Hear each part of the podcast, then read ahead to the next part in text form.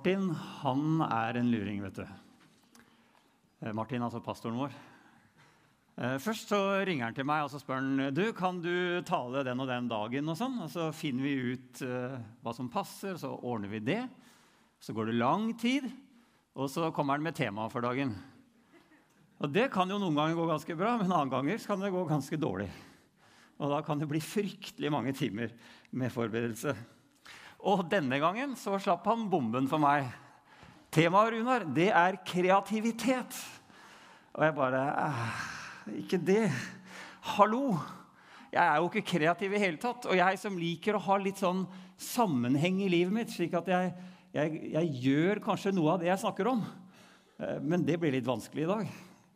Jeg har som et prinsipp først må vi gjøre det, og så kan vi snakke om det.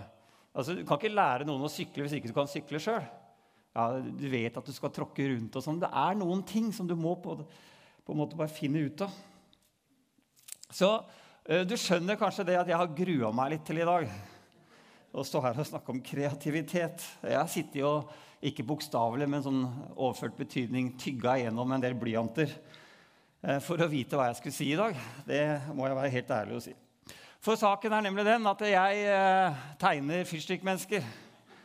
Det er så kreativ som jeg er. Eh, akkurat dette bildet her er av familien min. Du kjenner dem igjen.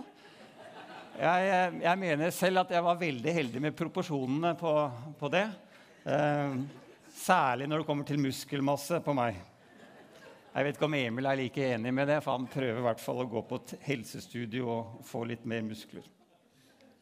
Ikke er jeg så god på å drive med sånn dekorting eller pynteting og være kreativ på det heller.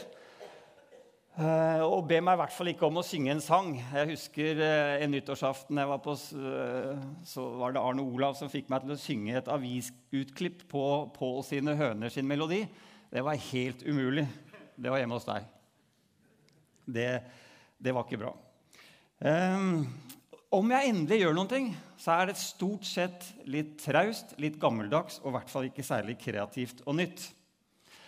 Så da satte jeg meg ned og så begynte jeg å tenke hva er det som hindrer meg fra å være kreativ?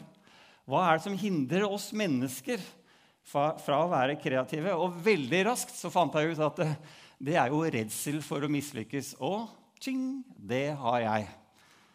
Og så kan man jo tenke mer. Hva er det som hindrer oss? Jo, f.eks.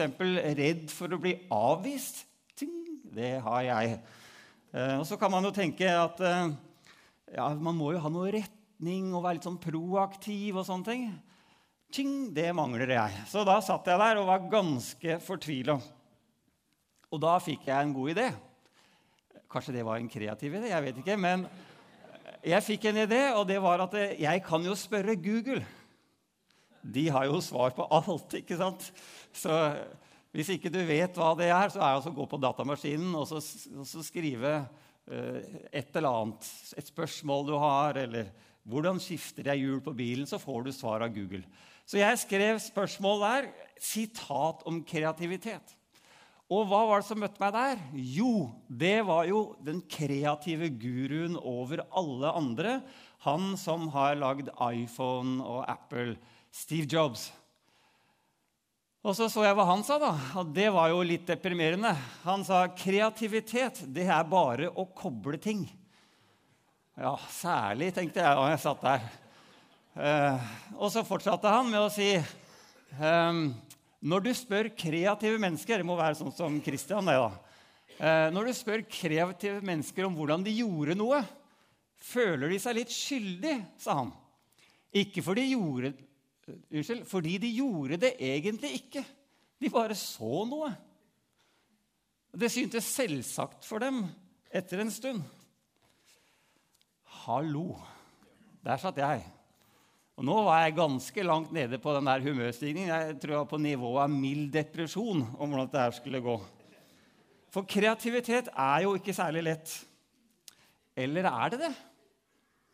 Så da møtte jeg Martin, og så tok jeg tak i ham og så sa jeg, Martin, hva er det du egentlig vil med den der gudstjenesten? Skal vi liksom bli kunstner alle mann nå? Skal vi snu kirka inn til et kunstgalleri? Eller et museum, eller noe som er fint å se på, bare? Eller hva er det du vil? Da sa han den forløsende setningen. Han sa målet med dette er jo at vi skal blomstre. Blomstre, liksom. Hva betyr det, da? Jo, vi utvikler oss og bruker oss og blir synlige. Det er ikke bare frykt eller manglende proaktivitet som hindrer kreativitet. Noen ganger så er vi omgitt av mennesker som alltid vet bedre enn oss. Som alltid er negative eller er der for å sette oss på plass om vi kommer en, med en god idé. Noen mennesker som, som bringer død til gode ideer. Det er sånne mennesker som puster eh, jantelov på både innpust og utpust. De, de er bare mørke og negative. Og Noen ganger så tenker vi lite om oss sjøl også. At ikke vi har det som trengs, at ikke vi har det som, som, må til for å være kreative. Vi er kanskje ikke gamle nok, eller vi er kanskje ikke unge nok. Vi har ikke erfaring nok, eller vi har ikke kompetanse eller utdannelse nok. Kanskje har vi ikke autoritet eller styrke nok. Det er liksom Alt er gærent. Og Noen ganger så blir de tankene som vi har, bekrefta av mennesker rundt oss.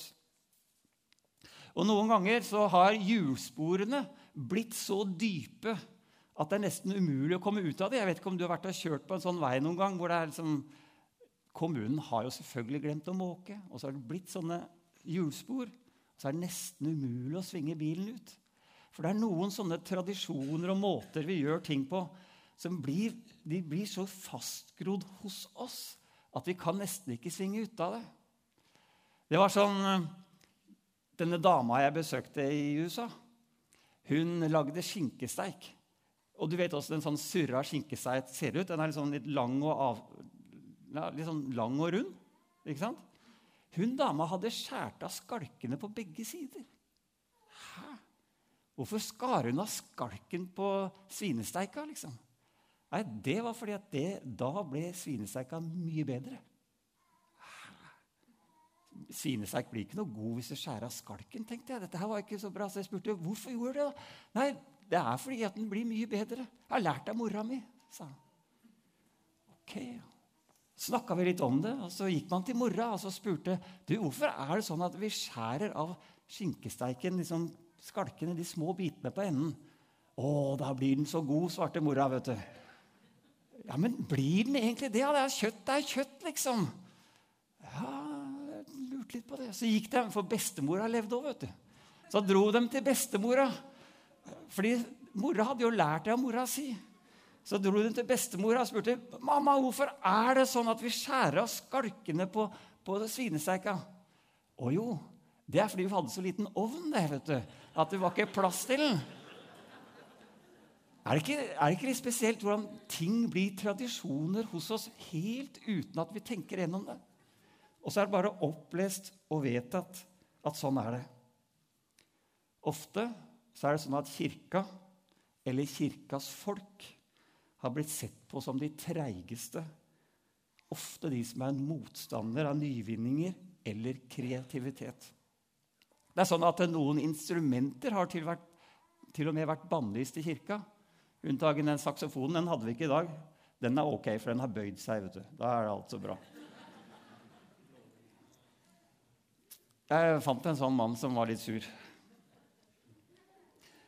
Jeg tror det er viktig at vi tar et oppgjør med den slags tanke som begrenser oss, begrenser kreativiteten hos, hos oss, og som er sånne, uh, sånne, mørke tanker. Dette var det nærmeste jeg kom en mørkemann. Og da snakker jeg ikke om å være høy og mørk, men, men en som bare sprer sånn umuligheter og, og kontroll rundt seg. Hvis du har møtt sånne mørkemenn, hvis du har møtt kanskje mørke kvinner, mennesker som har gitt deg restriksjoner på hva du kunne utfolde deg med, og hva du kunne gjøre, hva du kunne tenke, så har jeg lyst til å gi deg en uforbeholden unnskyldning. Ber deg om det, fordi det er ikke sånn Gud er. Jeg har lyst til å beklage det på det sterkeste at det er noen mennesker som har prøvd å representere Gud og vært så negative. For du ser at Gud er ikke sånn. Gud er stikk motsatt. Han skapte mennesker til å være annerledes enn dyr. Og i boka 'Hjernen er stjernen' det var en av de tingene jeg måtte gjøre. Jeg måtte bare få tak i noen bøker også. Så når jeg har vært ute og jogga med hjernen på, er stjernen på ørene, og, og der snakker man om kreativitet. Og de sier at det er evnen til kreativitet som gjør at vi er annerledes enn dyrene. Så hvis Gud har skapt oss til å være annerledes enn dyrene, så er det jo nettopp dette med kreativitet. Kreativitet og forestillingsevne. Og for å være kreativ så må du både være kritisk selektiv og intelligent. Og selv om Kirken har vært bakstreversk og motsatt av nye ideer, så stemmer ikke det med hvordan Gud er. Og det er sånn at Hvis du kikker på verden i stor målestokk, hvis du liksom zoomer litt ut, så ser du noen interessante fakta. At det er der hvor folk har lest i Bibelen, hvor folk har hatt en forståelse av en treenig, skapende Gud, at menneskene har brukt kreativitet til det beste for samfunnet. Det er, faktisk, eh, det er noe du kan faktisk gå sjekke. Og Et resultat av dette er at hvis du ser bort fra oljeutvinning, så kan du ta et land som, som Finland, som har 5,5 millioner innbyggere. De produserer mer varer enn hele den arabiske verden med 423 millioner innbyggere. Hvorfor er det sånn? Er det fordi finnene er så mye klokere enn araberne? Nei, overhodet ikke. For intelligens er jo distribuert likt over hele jorda. Men kanskje kan det være sånn at det er noe med måten vi ser på oss sjøl, måten vi ser på verden rundt oss, måten vi ser på Gud, som avgjør hvordan vi oppfører oss, og hva vi gjør og hvor mye plass det er til kreativitet. Bibelen gir oss en forståelse om både et forvalteransvar og en skaperevne. Og en læring som har vært med på å sette scenen for at Vesten har blitt et av de mest oppfinnsomme stedene. Så sitter du kanskje og tenker ja, men var det ikke gudløs rasjonalisme da, som ledet til vitenskap, som har gjort at alt det som vi har i dag, på en måte har funnet plass? Nei, det var ikke det. For den eh, rasjonalismen var opphengt i logikk. Og det er ikke det som har ført verden fremover. Logikken er nemlig sånn at eh, hvis det er noe du ser som ikke stemmer med det logiske, ja, så er observasjonen feil. Det er det logiske som er riktig. Og Da tenkte man sånn at ja, ok, hvis man har to kuler, da, den ene kula er dobbelt så tung som den andre, og man slipper de ned, ja, så vil jo den tunge kula gå fortest ned. Det trodde alle. Det var liksom vitenskap og logikk i gamle dager. Men så kom det en annen kar. Han, han het Galileo Galilei. Han sto på toppen av Pisa-tårnet og så slapp han ned disse to kulene. Og så så han at de gikk jo på likt hele veien ned. Og så er jo ikke det en ny tanke som Galilea tenkte, men Jesus snakka om det. Han sa om ikke du klarer å forstå det eller tro det, så tro det fordi du ser det. Han satte observasjonen over det logiske. Bibelen forteller om en skaper som kjenner sannheten, og som kan kommunisere den. Akkurat som en far kan gi instrukser til sine barn. Gud sa, 'La oss lage mennesker i vårt bilde, så de ligner oss.' Bibelen sier at vi mennesker er skapt i Guds bilde, og at vi kan kjenne sannheten, og at vi kan søke sannhet. Og hvis vi ligner Gud, så kan vi også skape og være kreative. Det var dette som gjorde Vesten til en tenkende sivilisasjon. Og det var søken etter sannhet som var grunnlag for Vestens økonomiske og sosiale vekst. I ordspråkene kapittel 4 og vers 7 så står det Kjøp deg visdom, kjøp deg innsikt med alt du eier. Kristendom dreier seg ikke om å legge talentene, gavene dine, hodet ditt igjen utafor kirka, og så gå inn.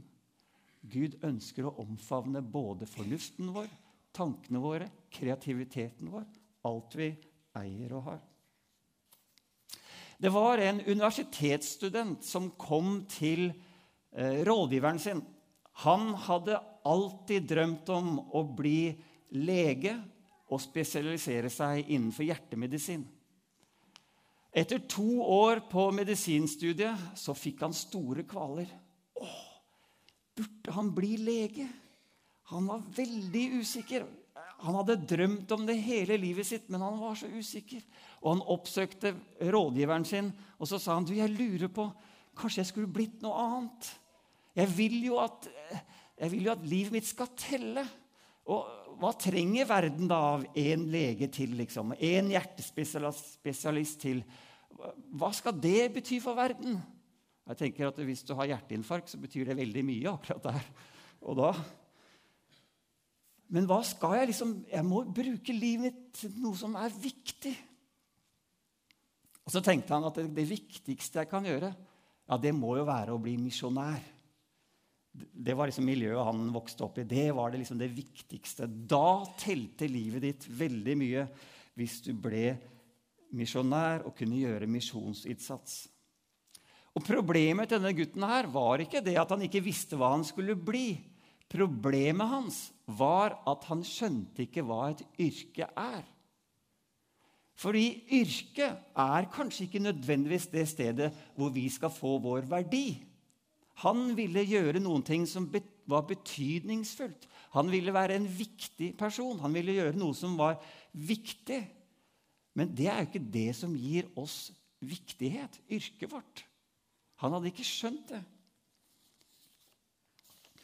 Tenk deg om yrket vårt ikke er et sted som gir oss identitet eller betydning men er, og ikke er et sted der jeg realiserer meg selv. Men hva om det er et redskap for at Guds godhet skal bli synlig i verden? Skjønner dere forskjellen? Hva om vårt yrke ikke er noe vi velger, men noe som Gud kan velge eller gi oss? Ikke for vårt beste, men til det beste for en verden som han elsker. Paulus sier i Efeserne at, at man skal arbeide med hendene slik at man har noe å gi til andre. Hva om ordinært arbeid er en manifestering av kristen tjeneste og kristen kjærlighet? At ditt arbeid er en gave fra Gud, ikke til deg, men til dine brødre og søstre i denne verden. Det er en kar som heter Besalel. Har du hørt om han? Her er det Gud som snakker. vet du. Han sier, 'Jeg har valgt ut Besalel, sønn av Uri, sønn av Hur, fra Judas stamme.' 'Jeg har fylt ham med Guds ånd og med visdom og innsikt og med kunnskap og dyktighet.' Og Så tenker jeg, hva er det han skal gjøre, siden han skal ha så mye av Gud i seg? Guds ånd og visdom og alt mulig. Kanskje han skal bli en leder? Eller kanskje han skal bli en profet? Eller kanskje han skal bli eh, liksom en, en, ny Paulus, eller en som skriver noe viktig, eller noe sånt noe åndelig, eller det er, jo, det er, jo, vesentlig å få med at han skal være fylt av Guds ånd. Vet du hva han skal gjøre? Alt slags håndverk. Hæ? Trenger du Den hellige ånden for å være snekker? Eller tenker vi at det er liksom noe vi kan bare liksom menneskelig? Trenger vi visdom og innsikt og kunnskap fra Gud og Guds ånd for å være en håndverker, en rørlegger, elektriker? Så han kan tenke ut og lage kunstferdige arbeider i gull, sølv og bronse, slipe steiner til innfatning, skjære ut i tre og utføre alle slags håndverk. Tenk om vi fikk det perspektivet på livet vårt. At når vi gikk på jobb, så gikk vi på jobb fylt av Den hellige ånd for å være rørlegger. Eller politimann. Eller lærer. Det er lett å tenke liksom, de kristne yrkene som sykepleier, og alle disse tingene, for da er vi så snille og gode og hjelper alle mennesker. Og så tenker vi ofte sånn at når jeg skal være kristen på jobben, så dreier det seg om at jeg skal sette meg ned i lunsjpausen og så skal jeg snike inn et ord om Jesus. Det er å være kristen på jobben. Eller når jeg er på jobben, så kommer leverandøren, så skal jeg si liksom, 'Å, hyggelig å se deg, være ekstra snill', så han kanskje skjønner at jeg er kristen. Er det å være kristen på jobben? Eller kan det være sånn at Gud har gitt oss noe som vi kan få lov å utfolde oss i og blomstre i? Jeg bare tenker åssen hadde verden sett ut hvis vi innså hva Gud tenkte? På 300-tallet så var det en biskop i Cesarea som het Esevius.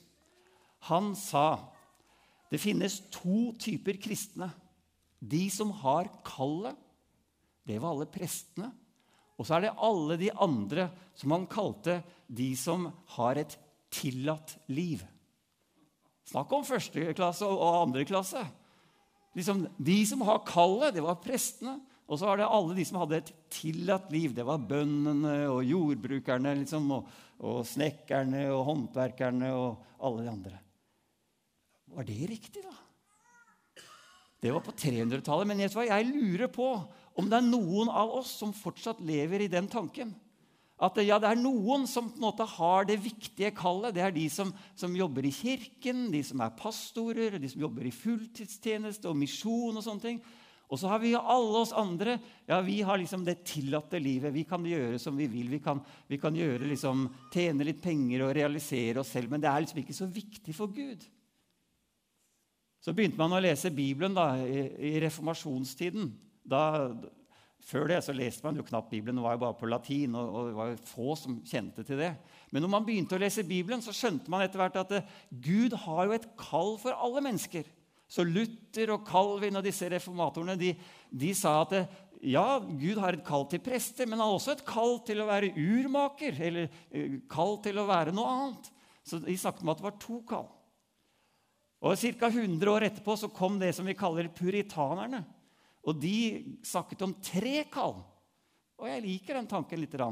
Først så sa de at vi har et høyeste kall. Det kallet er fellesskap med Gud. Det er vårt høyeste kall. Og det er der vi får vår verdi og identitet ifra. Jeg er et Guds barn. Og så har vi et felleskall. Det er de kallene som du kjenner fra Bibelen, og som vi snakker ganske mye om. Du skal ikke stjele, du skal ikke myrde, du skal ikke bryte ekteskapet, du skal vende det andre kinnet til, du skal øh, gå en ekstra mil, du skal øh, ja, Det du vil at andre skal gjøre mot deg, skal du gjøre mot dem, osv.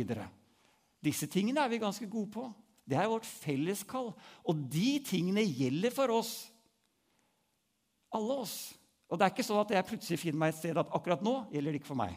Nei, jeg skal ikke ljuge. Jeg skal ikke drepe. Det er ting som er absolutte, og som gjelder for oss hele tiden. Og så sa de og så har vi et spesifikt kall. Det er et kall som gjelder bare meg. Jeg, Runar, er har et kall til å være mann til Alice. Jeg har et kall til å være far til Emil. Jeg har et kall som er bare mitt. Det er ingen andre som kan ta det kallet. Det er ingen andre som har det. Og så kan man ha et kall til å være lærer eller være sykepleier eller lege eller politimann. Det er et like viktig kall. Et spesifikt kall.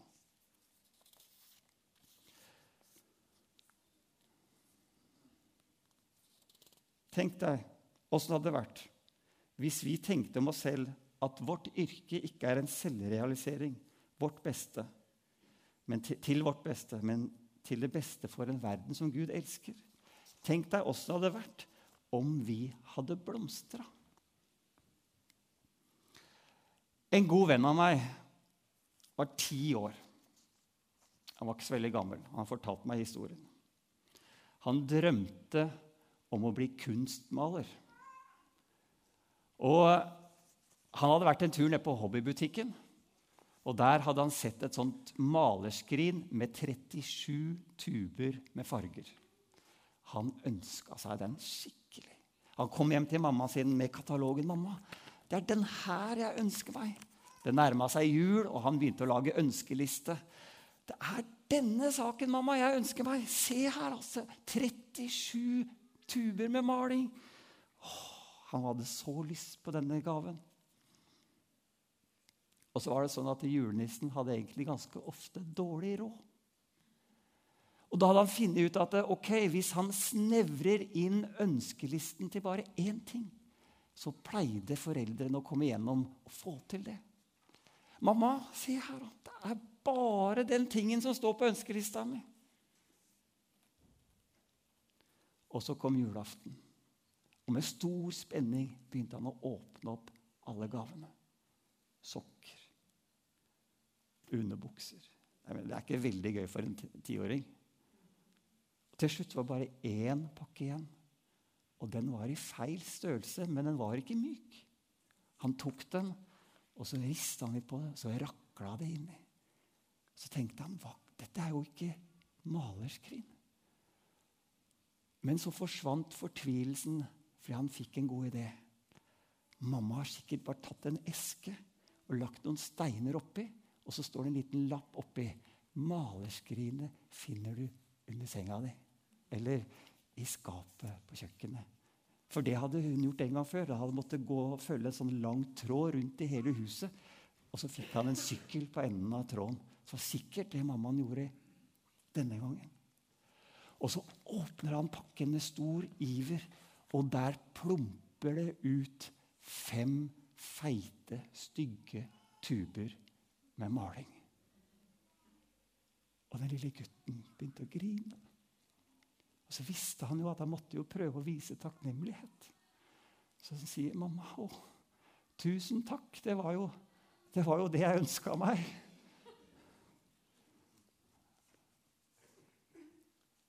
Og så sitter mammaen ved siden av, og så sier hun Sønnen min, dette var utrolig vanskelig for meg. For jeg ga deg ikke det du ønska deg. Jeg ga deg det du trengte. Og Så sitter vi her, og så tenker jeg at det er mange av oss som har sittet med en sånn lang ønskeliste og sagt å Gud, om jeg bare kan synge. Da kan jeg være brukt av deg. Eller om jeg bare hadde vært litt mer utadvendt. Eller om du bare hadde gitt meg den gaven der, Gud. Da hadde jeg kunnet gjort en viktig jobb for deg. Så sa mammaen Kom her. Så gikk de ut på kjøkkenet og la frem alle avisene oppå bordet, fant noen ark. Så tok de de fem stygge tubene og begynte å klemme ut maling. Og ut fra den gule og den blå så blanda de all verdens nyanser av grønt. Og så blanda de blått og rødt og fikk alle nyanser av lilla. Og der på kjøkkenbordet så hadde vennen min sin eneste leksjon i kunst og kunstmaling. Han har malt det bildet. Han er en anerkjent kunstner i dag. Det er bildet av Julie. Nei, det er ikke det. Men vi syns det ligna sånn. For Julie hadde krøller og akkurat sånn nattkjole med sånn gul kant nederst. Og så har han malt de fem tubene som lå inne i postkorteska som han fikk til jul.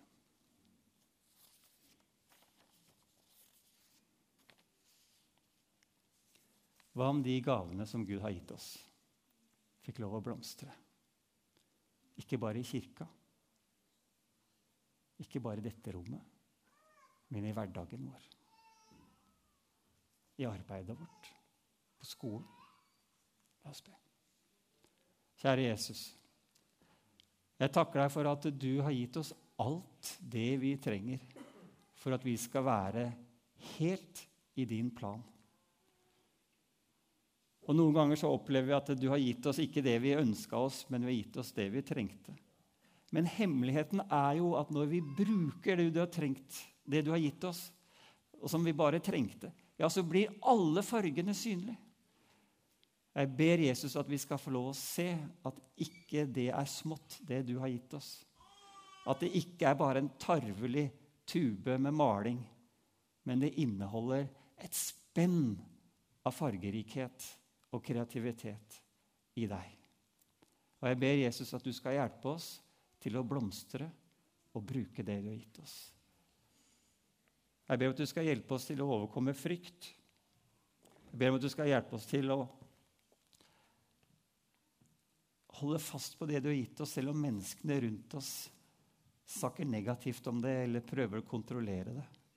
Jeg ber Jesus at du skal hjelpe oss ut i frihet, slik at gavene dine ikke blir gravd ned, men brukt i livene våre. Hvordan hadde det ikke sett ut i Skien dersom vi fikk lov å gå med deg på jobben hver dag?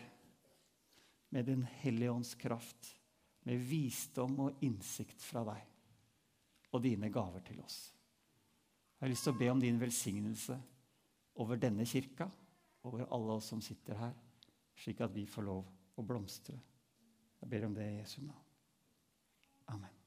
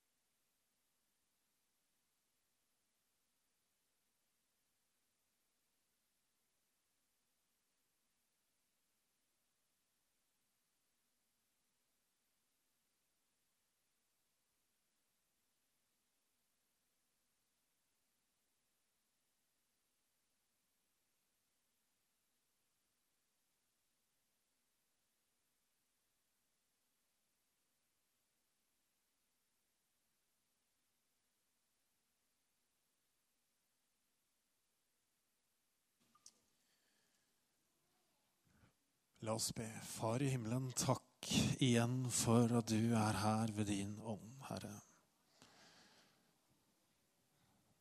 Takk for at du taler til oss på ulikt vis.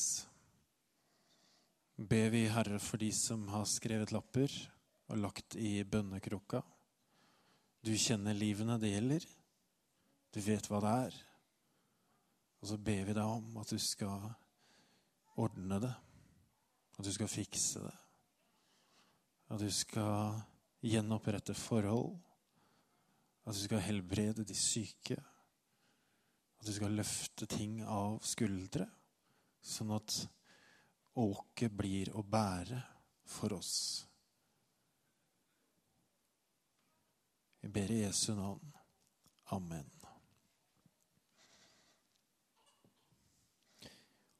Takk for fantastisk sang og musikk og full pakke. Jeg ser at noen holder igjen applausen, så vi slipper den løs.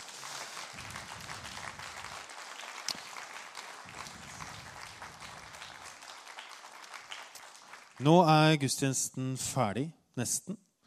Ehm, det er kirkekaffe. Og eh, dere må huske å melde dere på